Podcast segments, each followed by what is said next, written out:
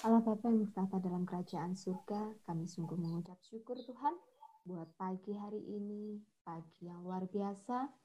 Engkau izinkan kami untuk menikmati berkat-berkat daripadamu. Terlebih kami boleh ada di uh, media online ini Tuhan, di dalam persekutuan doa online ini. Kami menyadari itu semua karena kasih dan anugerahmu. Oleh sebab itu Tuhan kami mau bersyukur lebih lagi dan uh, siang hari ini Tuhan, pagi hari ini kami mau dengar-dengaran dengan Engkau buat kami. Dengar Tuhan buat firman yang akan hamba sampaikan. Kiranya Tuhan boleh berbicara kepada setiap pribadi kami. Biarlah kami Tuhan boleh mempersiapkan hati dan pikiran kami untuk kami boleh mendengarkan firman-Mu untuk kami boleh menangkap apa yang menjadi kerinduan hatimu untuk kami pagi hari ini. Kiranya Tuhan biarlah rohmu sendiri Tuhan yang bertahta dan bernaung atas kami semua. Kami mau menyerahkan uh, firman Tuhan pagi hari ini ke dalam tanganmu dan kami mau terus mengucap syukur hanya di dalam nama Tuhan Yesus. Haleluya Amin. Shalom semuanya. Ada orangkah di sini? Dijawab, Rek. Salam saya. Shalom, shalom, shalom, shalom Oh, gitu dong. Masih semangat kan semuanya pagi hari ini? Jawab aja di kolom chat ya, teman-teman. Oke, saya tentunya bersemangat juga ya dan terlebih saya nggak tahu ya teman-teman hari ini saya merasa bersuka cita untuk bisa uh, join sama teman-teman semua. Uh, dan ya kita baru ketemu minggu lalu dan kita ketemu minggu ini lagi. Dan di minggu ini saya akan membagikan renungan tentang apa ini bacanya? Sincerity atau sincerity atau uh, sincerity ya. Yang jelas uh, saya akan menyampaikan tentang Uh, sebentar ya, kok close up ya. Tentang kesungguhan hati. Eh, di mana ini? Oke. Okay. Oke, okay. saya akan menyampaikan tentang sincerity atau kesungguhan hati. Teman-teman, uh, saya bersyukur teman-teman kalau saya ada hari ini itu karena berkat Tuhan dan saya percaya teman-teman itu semua karena juga Tuhan sungguh-sungguh mengasihi saya. Nggak hanya saya, tapi teman-teman semua di sini sungguh-sungguh diberkati, sungguh-sungguh dikasihi oleh Tuhan. Kalau Tuhan mengasihi kita dengan sungguh-sungguh, kita juga harus mengasihi Tuhan dengan sungguh-sungguh dong ya. Oke, next slide Kak. Di dalam 2 Timotius 4 ayat 5 dikatakan, tetapi kuasailah dirimu dalam segala hal, sabarlah menderita, lakukanlah pekerjaan pemberitaan Injil, dan tunaikanlah tugas pelayananmu. Gitu. Ketika saya menerima ayat ini, ketika saya menerima uh, permintaan dari kakak-kakak di UK3 ya, untuk Kak Yos bisa isi nggak dengan temanya ini gitu kan. Saya berpikir, wih kok sungguh-sungguh ya. Kadang-kadang saya merasa ya teman-teman, aku sendiri aja kadang-kadang belum bersungguh-sungguh loh Tuhan kayak gitu. Tapi menjadi koreksi saya sendiri, menjadi uh, membuat saya untuk uh, bersemangat untuk lebih belajar lagi ya bahwa apa yang hanya mau sampaikan untuk saya bisa bersungguh-sungguh kayak gitu. Dan di kesempatan kali ini saya juga belajar teman-teman bagaimana uh, belajar bagaimana untuk hidup lebih bersungguh-sungguh lagi kayak gitu. Oke, okay, next slide Kak. Ya, di dalam KBBI teman-teman, arti uh, bersungguh-sungguh itu adalah uh, tidak main-main dengan segenap hati, dengan tekun, dan dengan benar-benar. Arti yang kedua adalah berusaha dengan sekuat-kuatnya, melakukannya dengan segenap hati dan dengan uh, dengan sepenuh minat. Oke. Okay. Kita tahu ya, kalau maksudnya gini, kalau kita menggunakan kata sungguh-sungguh itu berarti ada suatu penekanan atau ada sesuatu hal yang kita mau tekankan ini loh aku tuh benar-benar benar-benar benar-benar itu dengan seluruh yang bisa kita lakukan kayak gitu. Oke, dari pengertian pengertian di KBBI ini teman-teman, kita bisa artikan bahwa eh, kesungguhan hati itu bermakna dengan segenap hati, dengan sepenuh minat. Teman-teman pasti memiliki hobi di sini. Siapa sih yang nggak punya hobi? Saya aja punya hobi ya itu. Saya punya hobi ya yang apa ya saya punya hobi dulu tuh adalah uh, saya suka olahraga gitu saya suka lari dulu SMA nah ketika kita memiliki suatu hobi, teman-teman, kita pasti uh, ingin bisa meraih atau kita bisa ingin melakukan hobi-hobi kita itu dengan apa ya? Dengan sukacita gitu ya. Oke. Saya kasih permisalan aja biar enak ngomongnya ya, biar enak saya nyampaikannya. Kita misalkan, misalkan di sini lingkungan kita adalah lingkungan teman-teman rohani ya. Jadi kita misalkan uh, hobi kita adalah menyanyi nih. Gitu. Hobi kita menyanyi. Tentunya kalau kita sudah apa kita hobi menyanyi, kita tuh mau di mana pun, mau di tempat mana pun kita pasti akan nyanyi. Mau di tempat tidur, oh sorry di kamar tidur kita bakal nyanyi, di dapur kita bakal nyanyi, di kamar mandi pun kita bisa nyanyi, setiap saat pun kita bisa nyanyi kayak gitu loh. Nah, ketika kita memiliki hobi, kadang-kadang ada orang-orang yang ingin atau orang-orang yang uh, hendak meneruskan hobinya ini sebagai sesuatu yang profesional kayak gitu. Nah, uh, untuk bisa menjadi seorang yang profesional, misalnya misalnya profesional dalam bernyanyi, tentunya perlu suatu latihan kayak gitu ya. Oke, benar. Nah, untuk bisa menjadi prof, seorang penyanyi yang profesional atau WL yang profesional, kita perlu belajar dengan lebih baik. Nah, ketika kita belajar berlatih ini, kita perlu berlatih uh, saya uh, kurang talent di nyanyi ya. Jadi yang setahu saya aja ya mungkin kita berlatih pernafasan kita berlatih vocalizing kita berlatih apalagi ya teman-teman? Uh, tembak nada mungkin mungkin loh ya. Jadi kita pasti uh, akan uh, menaikkan hobi kita itu menjadi sesuatu yang profesional kita perlu yang namanya suatu latihan kayak gitu nah ketika kita terus berlatih dengan bersungguh-sungguh, kita bisa mencapai apa tingkatan profesional itu tadi.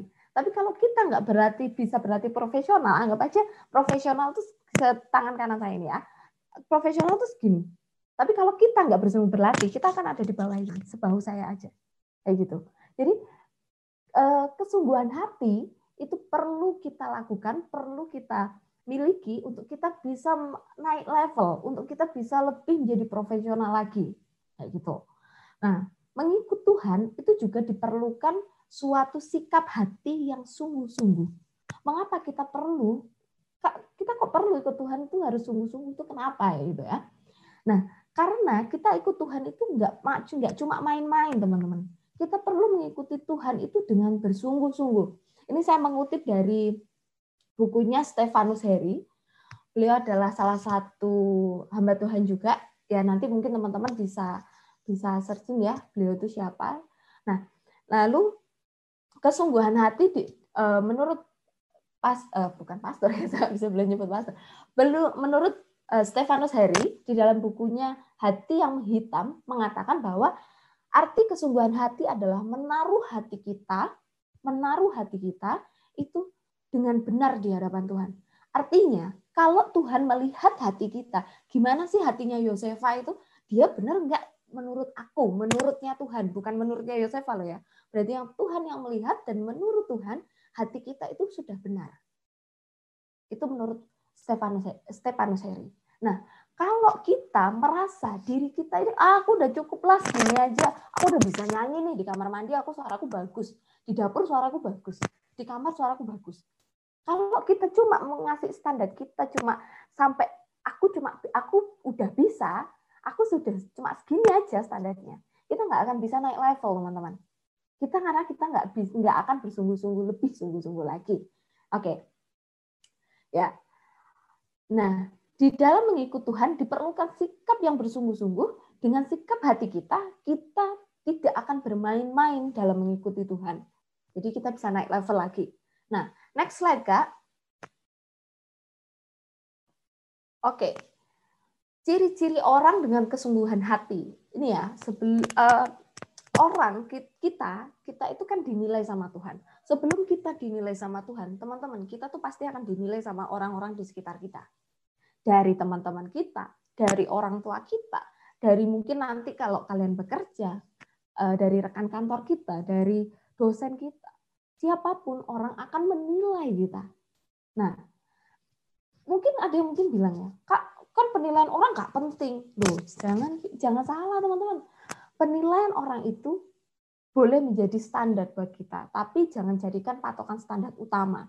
Nah, standar utamanya adalah penilaian Tuhan. Tetapi ketika kita mematok dengan standarnya Tuhan, ya kita harus berlatih lagi, berlatih untuk benar-benar memiliki kesungguhan hati dan cerminannya itu adalah dari orang-orang sekitar kita. Nah, yang poin yang pertama adalah tidak mudah goyah. Oke, guys, uh, saya, kita semua itu nggak bisa ngontrol kondisi di lingkungan kita itu seperti apa. Misalnya saya nih, saya eh, berharap, aduh, aku berharap nih pekerjaanku minggu ini selesai. Tapi saya nggak bisa ngontrol teman-teman. Ketika ada tambahan pekerjaan satu, ada tambahan pekerjaan lain dari eh, atasan saya, kita nggak bisa ngontrol nih. Misalnya siapa ya? Misalnya Kak Nathan. Kak Nathan merasa, oh tugasku udah selesai nih hari ini besok wah udah free nih, aku pengen jalan-jalan sama teman-teman. Tapi ternyata dosennya tiba-tiba ngasih tugas matan, kamu harus buat proposal ini, proposal A eh, 300 lembar, selesaikan dalam waktu dua hari, misalnya kayak gitu kan kita nggak bisa ngontrol itu semua. Tiba-tiba ada yang ada tugas yang datang, tiba-tiba ada mungkin ya, sorry to say, ada bencana yang datang, mungkin ada ada kondisi-kondisi tertentu yang tiba-tiba datang kepada kita. Kita nggak bisa ngontrol ngontrol uh, kondisi yang di lingkungan kita, teman-teman. Tetapi yang menjadi bagian penting buat kita adalah bagaimana kita meresponi kondisi kondisi-kondisi yang ada di sekitar kita itu. Mungkin nih Eh, kita permisalkan aja menjadi seorang penyanyi yang profesional tadi ya, teman-teman. Ketika menjadi pro, seorang profesional, uh, sorry, ketika kita ingin menjadi seorang penyanyi yang profesional, tentunya kita harus berlatih tadi, berlatih uh, pernafasan, kita berlatih vokal, vokalisasi kayak gitu. Pasti akan ada orang-orang yang akan mengatakan seperti ini. Ah, Yos, Yos, orang suaramu fals aja loh. Saya berlatih, saya pengen jadi WL alah Yos, Yos kamu lo nggak bisa jadi apa sorry. Kamu nggak bisa kontrol pernafasanmu dengan baik. Kamu udah kayak gini udah kayak gini wis nggak usahlah kamu jadi WL nggak usahlah kamu jadi penyanyi. Mungkin itu bukan talentamu. Oke teman-teman. Ketika saya mendapat seperti tekanan seperti itu apa yang harus saya lakukan? Respon kita yang perlu benar. Ketika saya goyah dengan dengan karena perkataan orang-orang di sekitar saya tadi, mungkin saya nggak akan bisa menjadi seorang penyanyi yang profesional. Kayak gitu. Saya nggak bisa untuk menjadi WL yang profesional. Nah, penting buat kita teman-teman untuk tidak mudah goyah dari uh, akan tekanan-tekanan yang ada di sekeliling kita. Kita wajib, eh sorry, kita harus terus berusaha untuk oh oke okay lah orang ini mau bilang apa orang aku masih belajar uh, orang ini mau bilang ngata-ngatain aku misalnya orang ini mau ngata-ngatain aku kan aku baru masih orang baru kayak gitu. Itu kan aku kan masih orang baru. Ya nggak apa-apa dong fales-fales dikit gitu. Nggak apa-apa dong aku masih belum bisa apa bisa mengatur pernafasanku dengan baik. Jangan mudah goyah teman-teman. Karena ketika kita goyah kita nggak akan bisa tepat sampai tujuan kita. Kayak gitu. Ibaratnya gini anjing menggonggong, kafilah berlalu. Biarkan mereka semua, orang-orang itu, oh my God, kok jadi lo? Ntar ya guys. Sebentar ya teman-teman.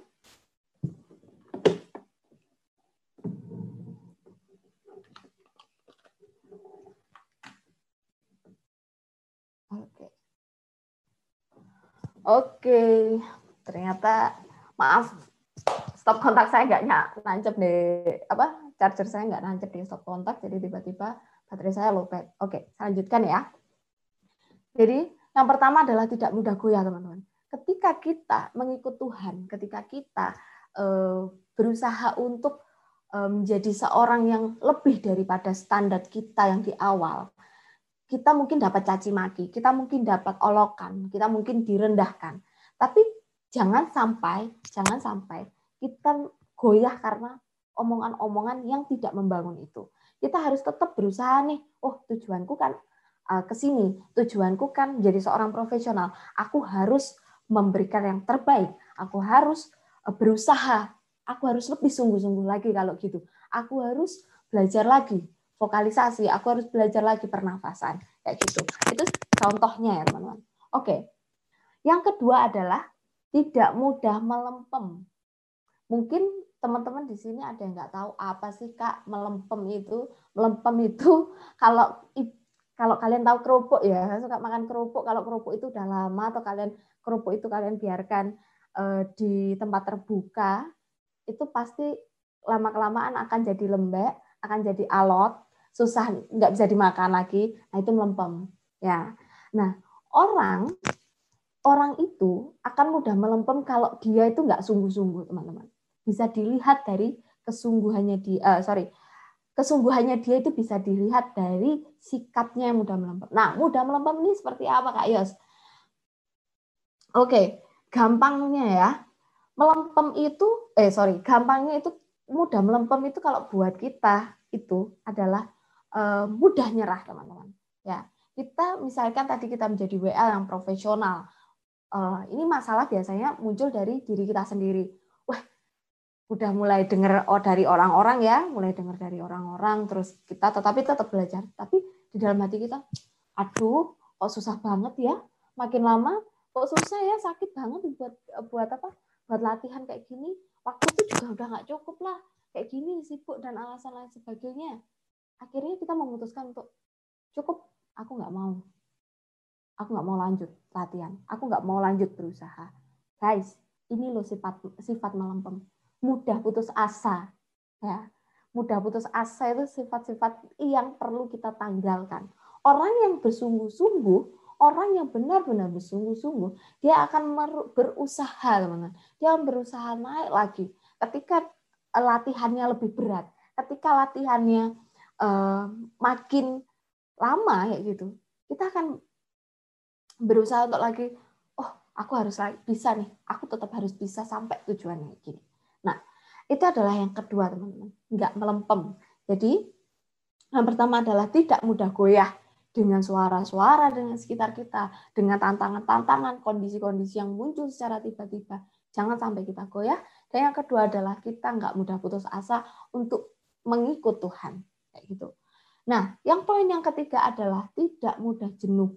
Nah, ini sering banget, sering banget. Bahkan Kak Yo sendiri juga eh, sering mengalami hal ini ya kadangkala kalau kita ada di suatu kondisi yang kontinu seperti itu terus, stagnan dari hari ke sehari seperti ini, seperti seperti ini, nggak ada tantangan, itu kadang-kadang membuat kita jenuh.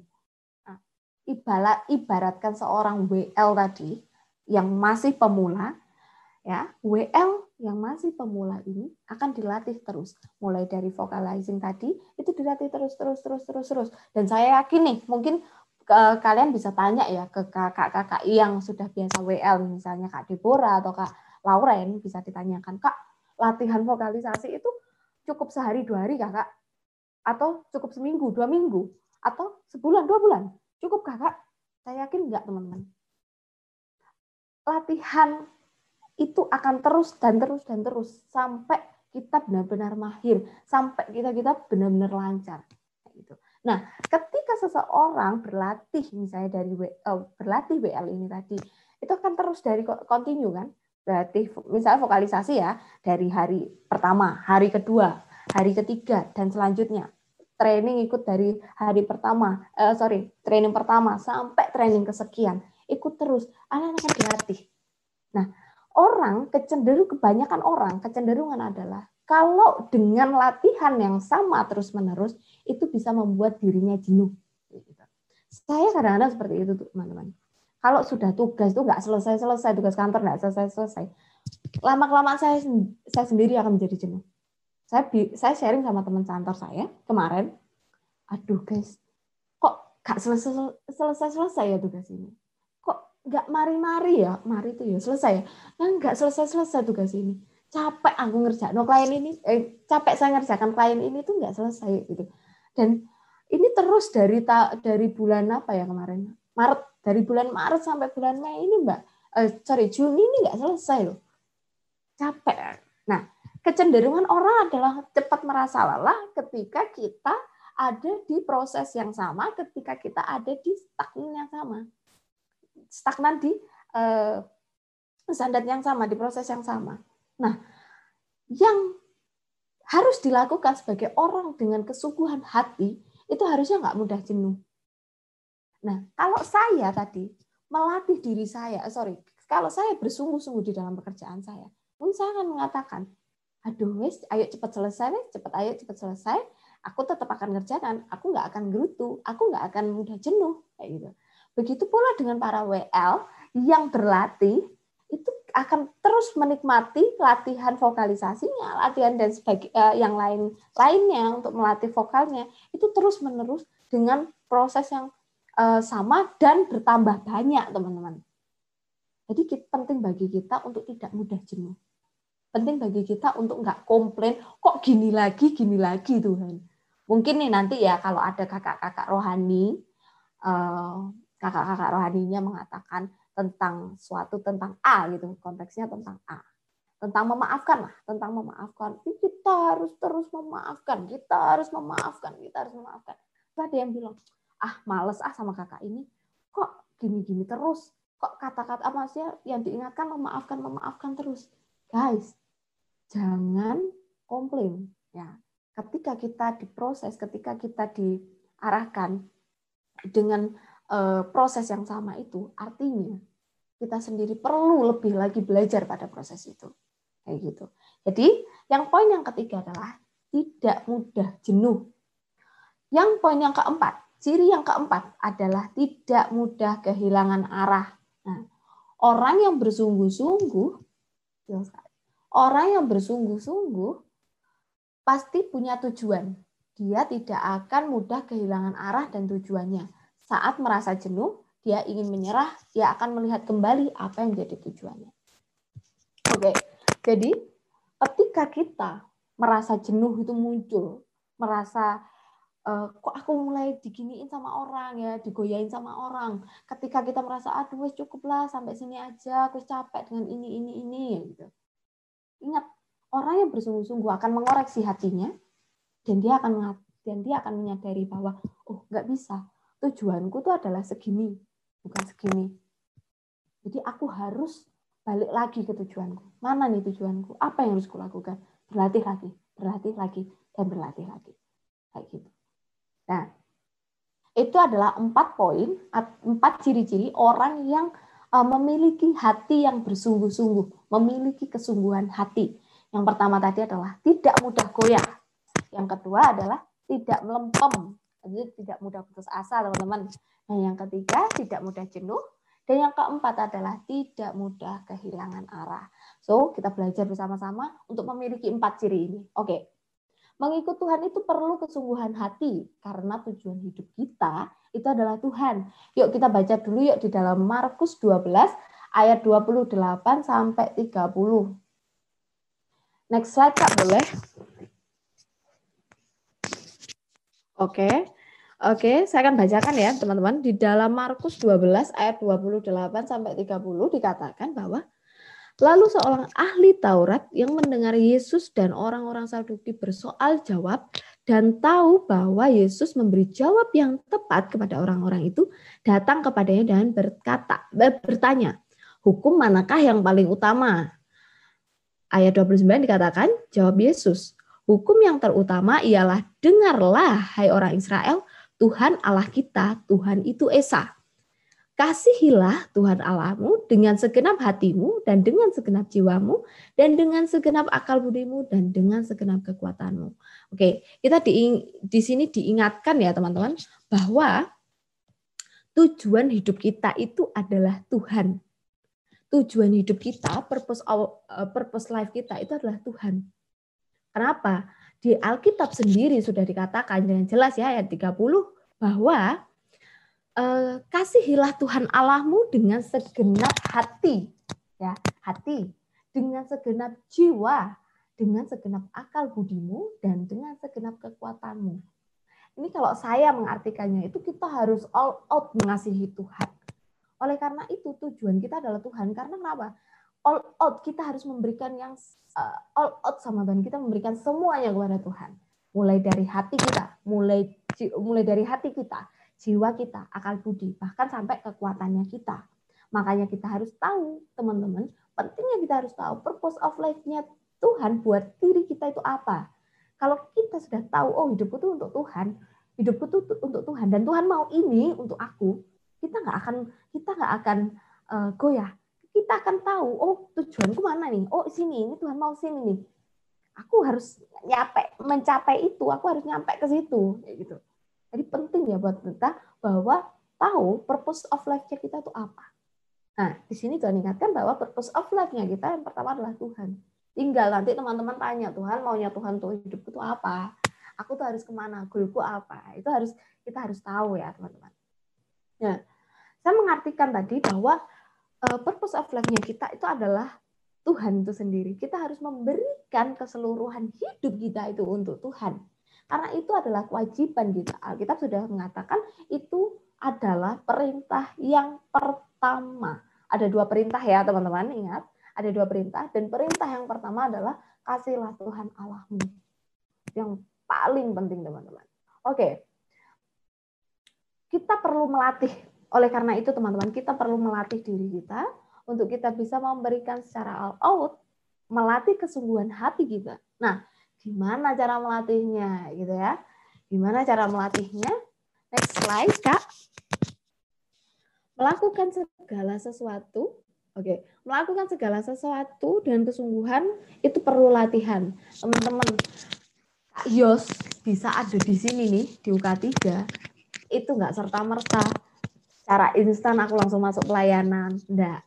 Kalau Kak Yos bisa sampai hari ini tetap melayani di UK3, itu karena Kak Yos sendiri ingin merasa aku ingin sungguh-sungguh melayani Tuhan. Aku ingin uh, menyelesaikan panggilanku sama Tuhan. Kalau memang ini ya, kita sedikit sharing ya.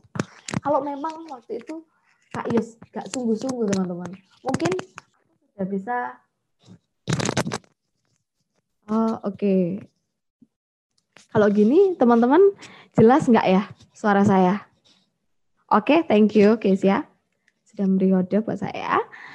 Nah, ketika mana tadi? Oh ya, kita sedikit sharing ya. Kak Yos itu pernah merasa jenuh, pernah merasa terombang-ambing juga, merasa melempem itu pernah, pernah teman-teman. Ketika saya melayani dan itu uh, di awal sebelum masuk kuliah, saya merasa, aduh, wis pelayanan gini-gini toh, wis enggak wis enggak pelayanan, aku males. Dan waktu itu saya dipanggil untuk jadi pelayan di UK3, saya enggak mau. Enggak ah, enggak Kak, nanti aja lain kali, lain waktu. Karena apa? Karena ada hal yang membuat saya berpikir, cukup, cukup udah di sini aja. Saya kalah waktu itu, saya kayak enggak sungguh-sungguh. Nah, ya, uh, waktu itu teman-teman, saya uh, sebenarnya sudah biasa melayani ya, Kak Yosin sudah biasa melayani. Awal melayani itu di usia 13 tahun. Bukan artinya kebiasaan terus akhirnya jadi rutinitas, bukan. Tapi awal melayani saya adalah di usia 13 tahun. Nah, ketika awal melayani di usia 13 tahun itu saya belum mengerti artinya purpose of life-nya Tuhan untuk saya belum ngerti. Jadi kesungguhan kesungguh-sungguhan saya dalam melayani Tuhan itu hanya sebatas rutinitas. Ketika usia 13 tahun waktu itu masih SMP, Kak Yos uh, melayani awal mulainya itu sebagai uh, bukan cleaning service ya, tapi gereja saya itu kecil gitu loh. Jadi uh, pelayan Tuhan yang bersihin gereja, bantu ikut bersihin gereja. Sebenarnya bukan saya sendiri, ada beberapa pelayan Tuhan. Nah, saya ikut bantuin bersihin gereja. Saya diajak, ya udah om ayo mulai bersihin gereja. Mulai dari membersihkan gereja. Hal-hal yang sepele teman-teman. Nah ketika itu saya merasa itu sebagai rutinitas biasa gitu kan. Nah tetapi uh, mulai mulai dari waktu ke waktu saya dipercayakan oleh oleh orang-orang gereja untuk membantu melayani waktu itu naik jadi jadi pelayan pelayan yang nyiapin apa untuk ibadah kayak gitu. Menyiapkan gereja untuk ibadah. Naik lagi jadi Eh, pelayan sekolah minggu. Naik lagi jadi pelayan sekolah minggu, kembali naik lagi ke youth. Dan yang paling saya bersyukur adalah ketika saya bisa melayani lebih lagi di UK3 ini. Karena saya tahu audiens saya anak-anak anak-anak muda ya gitu ya. Nah, tetapi teman-teman ketika saya awal melayani, saya nggak pernah berpikir, saya tidak pernah berpikir bahwa, oh aku bakal melayani yang lebih gede, aku bakal melayani di anak-anak muda. Nggak pernah teman-teman saya memulainya dari kecil. Mulai dari hal-hal yang sederhana kayak gitu. Ya, kita buka ya di dalam uh, Lukas 16 ayat 10, teman-teman. Oke, mungkin ada yang sudah dapat. Di dalam Lukas 16 ayat 10 dikatakan bahwa barang barang siapa setia dalam perkara-perkara kecil, ia setia juga dalam perkara-perkara besar. Dan barang siapa tidak benar dalam perkara-perkara kecil, ia tidak benar juga dalam perkara-perkara besar. Hmm. Teman-teman, ketika saya tadi dikasih pelayanan hal yang kecil, seketika saya diberi pelayanan, diberi kepercayaan untuk membantu membersihkan gereja, menata gereja untuk ibadah, orang-orang kan lihat saya, oh dia ini sungguh-sungguh nih, dia melakukannya dengan baik nih, dia melakukannya dengan maksimal nih, dia melakukannya dengan all out. Saya percaya orang-orang melihat saya dengan seperti itu. Kalau tidak, saya nggak akan mungkin dikasih kepercayaan untuk menjadi seorang guru sekolah minggu. Jadi ketika saya diberikan eh, saya diberikan percayaan untuk melayani dari yang paling dasar dan itu bisa saya lakukan dan itu saya lakukan dengan sungguh-sungguh, saya akan diberikan um, satu pelayanan yang lebih besar lagi. Begitu pula kita semua, nggak hanya Kak Yos. Kalian semua yang ada di sini, teman-teman pengurus suka tiga maupun bukan, ketika kita melayani, ketika kita memberikan uh, hidup kita, kita memberikan yang terbaik untuk Tuhan, mulai dari hal-hal yang sederhana. Nggak usah yang berat-berat dulu kalau kalian baru mulai melayani ya. Nggak usah dengan hal-hal yang berat-berat dulu.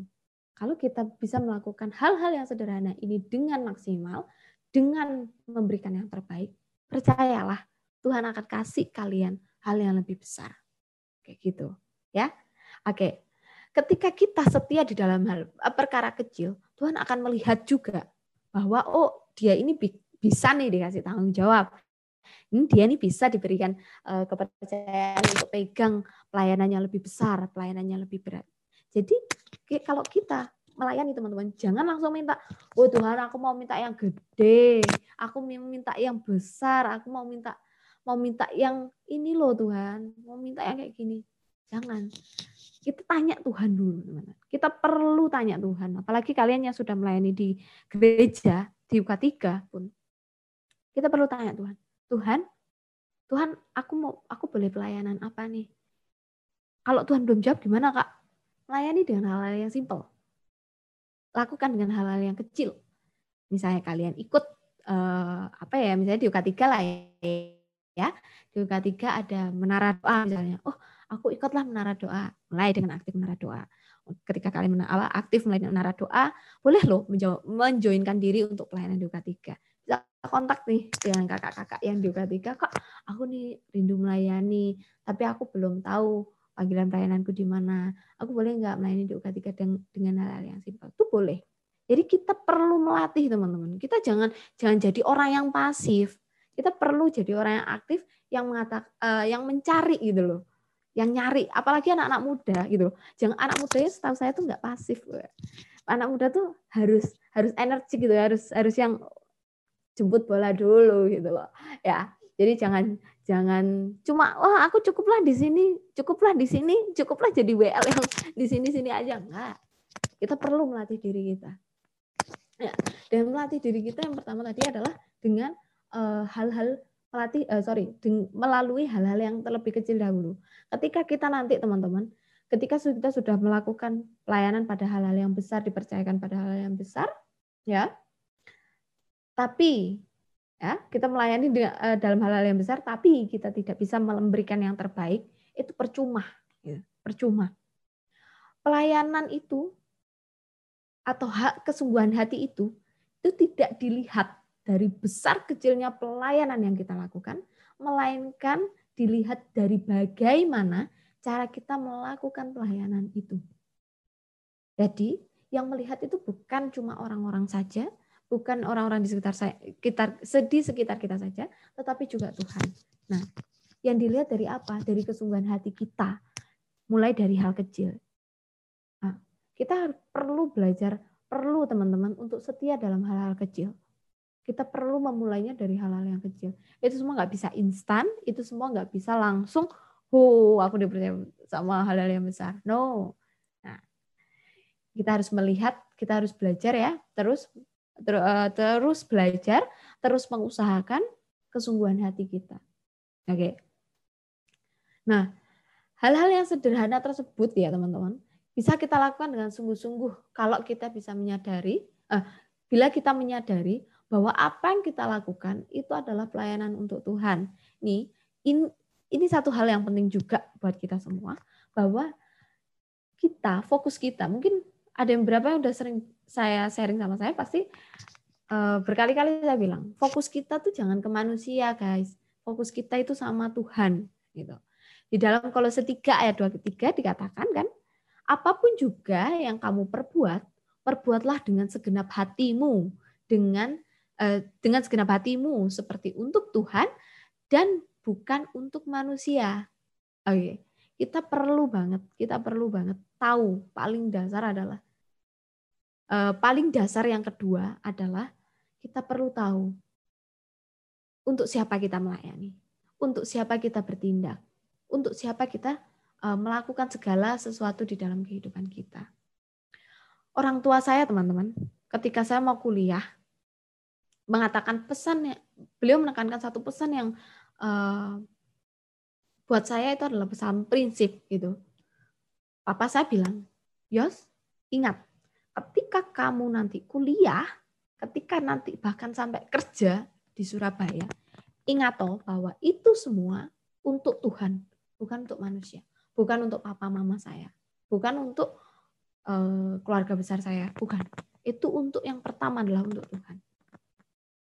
Jadi penting sekali buat teman-teman kita menyadari bahwa aku melayani, aku melakukan ini untuk Tuhan. WL, pelayan musik, pelayan apa pun, pelayanan apa pun yang kalian ambil, itu semua untuk Tuhan. Bahkan kalian kuliah, kalian eh, bekerja nantinya, kalian beraktivitas, kalian tidur, kalian mandi, kalian makan, itu semua untuk Tuhan. Alaskan itu semua untuk Tuhan supaya kita mengingat terus aku, kalau aku bekerja nih aku untuk Tuhan nih eh, aku untuk Tuhan nih jadi aku nggak boleh nggak boleh separuh separuh aku nggak boleh main-main ini. Aku harus sungguh-sungguh nih aku sungguh-sungguh nih aku harus ngasih yang terbaik. Ini tuh tertanam jujur itu tertanam teman-teman. Apa yang orang tua saya katakan itu tertanam di dalam alam sadar. Dan jadi ketika saya saya mengeluh tadi di kantor ketika saya sharing kemarin waktu itu sama teman saya di kantor kok gini ya nggak selesai selesai saya ingat buat apa aku ngeluh? Itu apa pekerjaanku ini untuk melayani Tuhan kalau ini nggak selesai berarti memang belum waktunya selesai kalau ini nggak selesai akan aku usahakan untuk selesai segera mungkin kayak gitu jadi kalau kita dikasih dikasih sesuatu hal please ya please jangan ngeluh. Jangan ngeluh dan ingat apa yang kalian lakukan itu adalah untuk Tuhan. Itu perlu perlu kita perlu kita tanamkan di dalam hati kita, di dalam pikiran kita bahwa kita melayani bukan untuk manusia. Sungguh kalau kita mengerti dasar melakukan semua hal ini untuk Tuhan, kita tahu purpose kita itu Tuhan. Semakin yakin, saya percaya bahwa Roh Kudus akan semakin meyakinkan kita bahwa ini loh purpose hidupmu itu untuk Tuhan. Tapi kalau kita melayani atas dasar untuk manusia, kekecewaan yang akan kita terima. Sangat-sangat akan kecewa. Kayak gitu. Oke.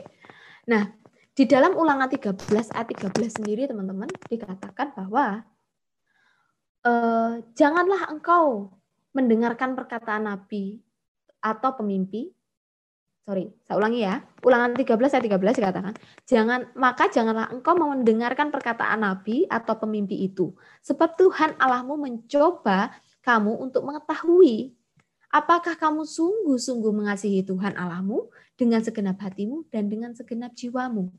Teman-teman, ini memang ayatnya dalam perjanjian lama ya, tapi saya rasa ini berlaku buat kita. Ketika kita hidup, ketika kita beraktivitas, ayo kita terus ngoreksi diri kita. Apakah ini benar? Apakah ini motivasi saya ini benar? Apakah saya ini sudah bersungguh-sungguh untuk melayani Tuhan? Ataukah untuk kesenangan saya sendiri? Atau untuk hal lain? Atau untuk hal selain untuk Tuhan? Karena karena akan ada waktunya Tuhan akan melihat hati kita, apakah kita bersungguh-sungguh atau tidak. Oke, mari kita belajar dari beberapa tokoh Alkitab yang hidupnya bersungguh-sungguh. Kita belajar next slide kak. Kita belajar dari dua tokoh ini aja ya teman-teman. Sebenarnya ada banyak tokoh di Alkitab yang hidupnya menggambarkan kesungguh-sungguhannya di dalam Tuhan. Tetapi Kak Yos ambil dua tokoh ini. Yang pertama adalah Daud. Kita bisa baca sendiri di dalam 1 Samuel 17 ayat 34 hingga 35. Mungkin teman-teman bisa baca sendiri ya. Saya akan bacakan. Tetapi Daud berkata kepada Saul, hambamu ini biasa mengembalakan kambing domba ayahnya. Apabila datang singa atau beruang yang menerkam seekor domba dari kawanannya, maka akan mengejarnya, maka aku mengejarnya, menghajarnya dan melepaskan domba itu dari mulutnya. Kemudian apabila ia berdiri menyerang aku, maka aku menangkap janggutnya lalu menghajarnya dan membunuhnya. Oke. Teman-teman tahulah ya, siapa Daud ini? Sosok seorang Daud, seorang raja sebelum dia menjadi raja Israel yang ternama, dia menjadi seorang penggembala domba yang biasa-biasa saja. Mengapa biasa-biasa saja? Kita tahu karena Alkitab tidak menceritakan track record Daud yang menang melawan uh, apa singa tidak menceritakan track record Daud uh, ketika dia masih menjadi seorang yang biasa. Tetapi dari itu kita bisa melihat ya, oh dia hanya orang biasa. Dari beberapa poin aja kita bisa lihat bahwa kambing domba yang Daud miliki itu hanya dua tiga ekor saja. Nah, di sini Daud memiliki kesungguhan hati dalam perkara-perkara kecil, yaitu saat menggembalakan domba-dombanya dan ketika melawan Goliat. Ya, di dalam 1 Samuel 17 ayat 39. Oh, jangan ke situ dulu deh. Oke. Daud ya, oke, kita tahu ya, Daud itu sebagai orang yang biasa-biasa saja, gitu kan. Sebelumnya hanya pengembala domba. Kenapa dia bisa belajar dari hal kecil? Dia setia dalam hal kecil adalah ketika kalau kalian baca di uh, kitab Samuel itu diceritakan bahwa Daud hanya memiliki uh, kambing domba dua hingga tiga ekor saja. Dan ini uh, Daud merawatnya, Daud mengembalakannya dengan sungguh-sungguh dikatakan bahwa di ayat 15 itu eh sorry di ayat um, berapa itu tadi ya 34 sampai 35 tadi dikatakan apabila datang singa dan beruang yang menerkam seekor domba dari kawanannya maka aku akan mengejarnya. Ini yang paling penting ya. Dia mengusahakan yang terbaik dia bersungguh-sungguhnya itu adalah ketika dia mengejar mengajar dan melepaskan domba itu dari mulut kawan apa mulut musuhnya itu. Dari berarti dari apa? Dari singa dari uh, harimau uh, dari singa ya. Kemudian apabila ia berdiri menyerang aku, maka aku akan menangkap janggutnya lalu menghajarnya dan membunuhnya. Ini adalah suatu bentuk yang bentuk tindakan yang dilakukan Daud untuk menunjukkan kesungguhannya dalam hal kecil, yaitu hal penggembalaan uh, hal pengembalaan ya, hal menggembalakan kambing domba. Ya. Belajar dari hal kecil Tuhan. Masa ya, kalau Daud aja mau dari hal kecil, kita yang cuma biasa-biasa ini mau minta-minta Tuhan langsung ah Tuhan aku pelayanan yang besar lah aku Tuhan pelayanan yang gede-gede lah janganlah dan kita menjadi sombong dan kita menjadi arogan oke okay? oke okay. yang kedua yang pertama tadi adalah Daud belajar dari eh, sorry Daud setia dalam hal kecil yang kedua adalah Daud ketika bersungguh-sungguh di dalam Tuhan ketika dia melawan Goliat apa yang dia katakan adalah di 1 Samuel 17 hingga 39 dikatakan Lalu Daud mengikatkan pedangnya di luar baju perangnya, kemudian dia berikhtiar berjalan, sebab belum pernah dicobanya. Maka berkata Daud kepada Saul, Aku tidak dapat berjalan dengan memakai ini, sebab belum pernah aku mencobanya. Kemudian aku menanggalkannya. Dia sungguh-sungguh untuk berani untuk maju berperang. Lalu di uh, 1 Samuel 17 ayat 40 hingga 47, saya ambil poinnya bahwa ketika dia menghadapi dia menghadapi Goliat, dia mengatakan ya, kan dia diejek oleh oleh Goliat, anjingkah aku? Maka uh, di ayat 43 di 1 Samuel 17 ayat 43 43 dikatakan, orang Filistin itu berkata kepada Daud, "Anjingkah aku? Maka engkau mendatangi aku dengan tongkat, lalu demi para allahnya orang Filistin itu mengutuki Daud." Ya, jadi kita tahu bahwa Daud ini udah diserang sama sama Goliat melalui perkataannya. Anjing kah aku kamu lo datang tuh mau kira aku anjing lah.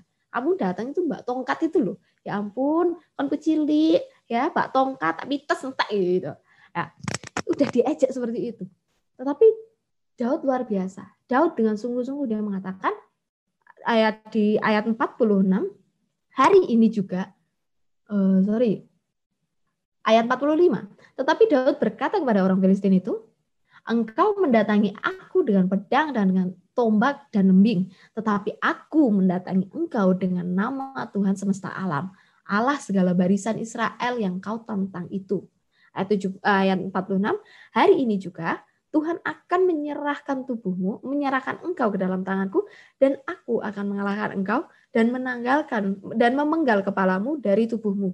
Hari ini juga aku akan memberikan mayatmu dan mayat tentara tentara orang Filistin kepada burung-burung di udara dan kepada binatang-binatang liar supaya seluruh bumi tahu bahwa Israel mempunyai Allah dan supaya segenap jemaah tahu dan supaya segenap jemaah ini tahu bahwa Tuhan menyelamatkan bukan dengan pedang, bukan dengan lembing, sebab di tanganlah pertempuran dan ia pun menyerahkan kamu ke dalam tangan kami. Itu teman-teman, saya sungguh belajar banyak dari Daud. Dari banyak aspek ketika saya merenungkan firman Tuhan, banyak aspek yang saya bisa belajar dari Daud. Dan hari ini, hari ini saya kembali lagi belajar. Begitu bersungguh-sungguhnya Daud ketika dia maju di medan peperangan, dia tanpa takut, dia sudah di, dicoba digoyahkan, dia sudah coba untuk di, dilecehkan, dia direndahkan oleh Goliat, tetapi dia berani maju, dia berani, dia dengan tegas mengatakan bahwa hari ini Tuhan akan menyerahkan engkau ke dalam tanganku dan aku akan mengalahkan engkau. Itu adalah suatu uh, perkataan Daud yang menyatakan aku sungguh-sungguh ikut Tuhan, aku sungguh-sungguh mempercayakan ikut Tuhan karena Tuhan menyerahkan engkau ke dalam tanganku. Kesungguh-sungguhan Daud ini teman-teman luar biasa menjadi pelajaran buat kita. Daud bersungguh-sungguh berjalan di dalam imannya untuk melawan orang-orang yang merendahkan Tuhannya.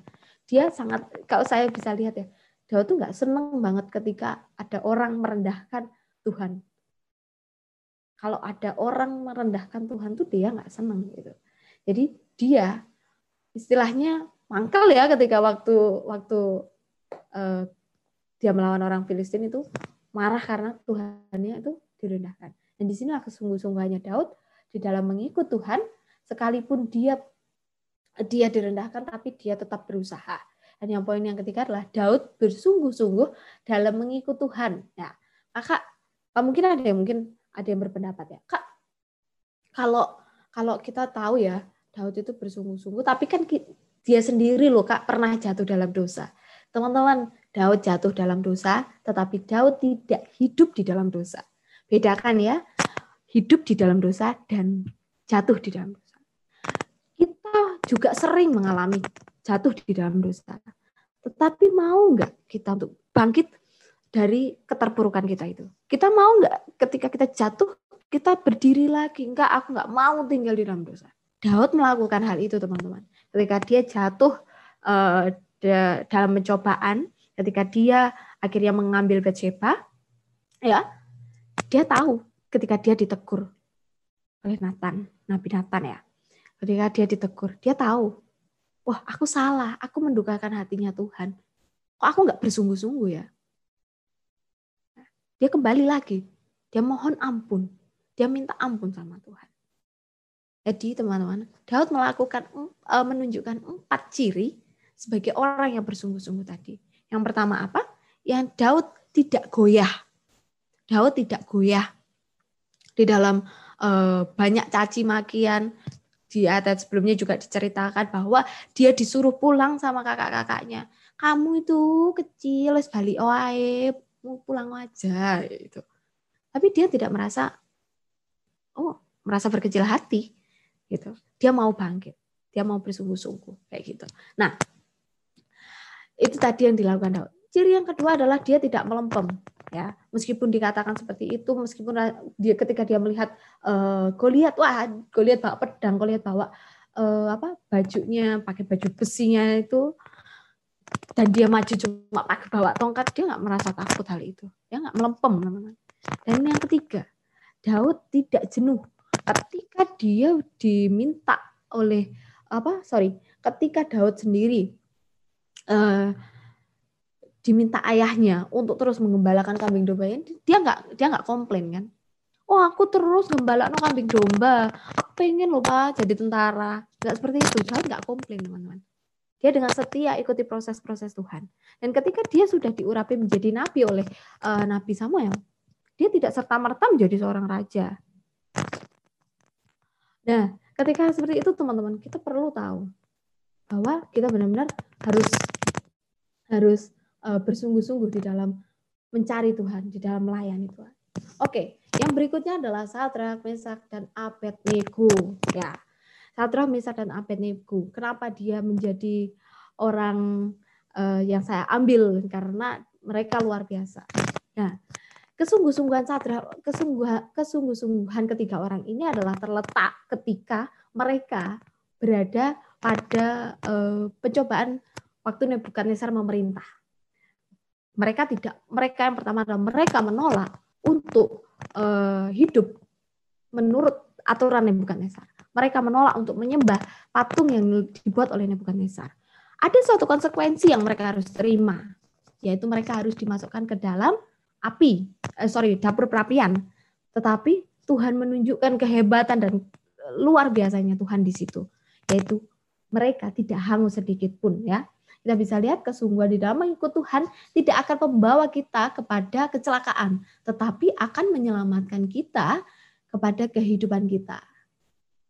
Terus, yang kedua adalah Tuhan tidak akan tinggal diam ketika kita akan terus uh, sorry Tuhan tidak akan tinggal diam dan akan terus bekerja ganti kita untuk menunjukkan kekuatan tangannya. So guys, dua sosok tokoh ini luar biasa di dalam kehidupan kita, luar biasa di dalam memberikan contoh kepada kita. Ya, jadi teman-teman, kita perlu meneladani mereka. Ya kita perlu meneladani kesungguh-sungguhan mereka. Dan bahkan di dalam 1 Timotius 4 ayat 12 dikatakan janganlah kamu eh, janganlah hmm, dikatakan jangan seorang pun menganggap engkau rendah karena engkau muda. Jadilah teladan bagi orang-orang percaya dalam perkataanmu dalam tingkah lakumu dalam kasihmu dalam kesetiaanmu dalam kesucianmu ada empat empat hal yang perlu kita usahakan yang sungguh-sungguh kita usahakan uh, untuk kita bisa menjadi teladan untuk kita bisa uh, benar-benar hidup di dalam Tuhan. Yaitu mengusahakan untuk bisa ber, apa? menjadi teladan dan bersungguh-sungguh di dalam perkataan kita, tingkah laku kita, kasih kita, kesetiaan kita dan kesucian kita. Oleh karena itu teman-teman, tidak hanya uh, Kak Yos, tapi juga kita semua di sini.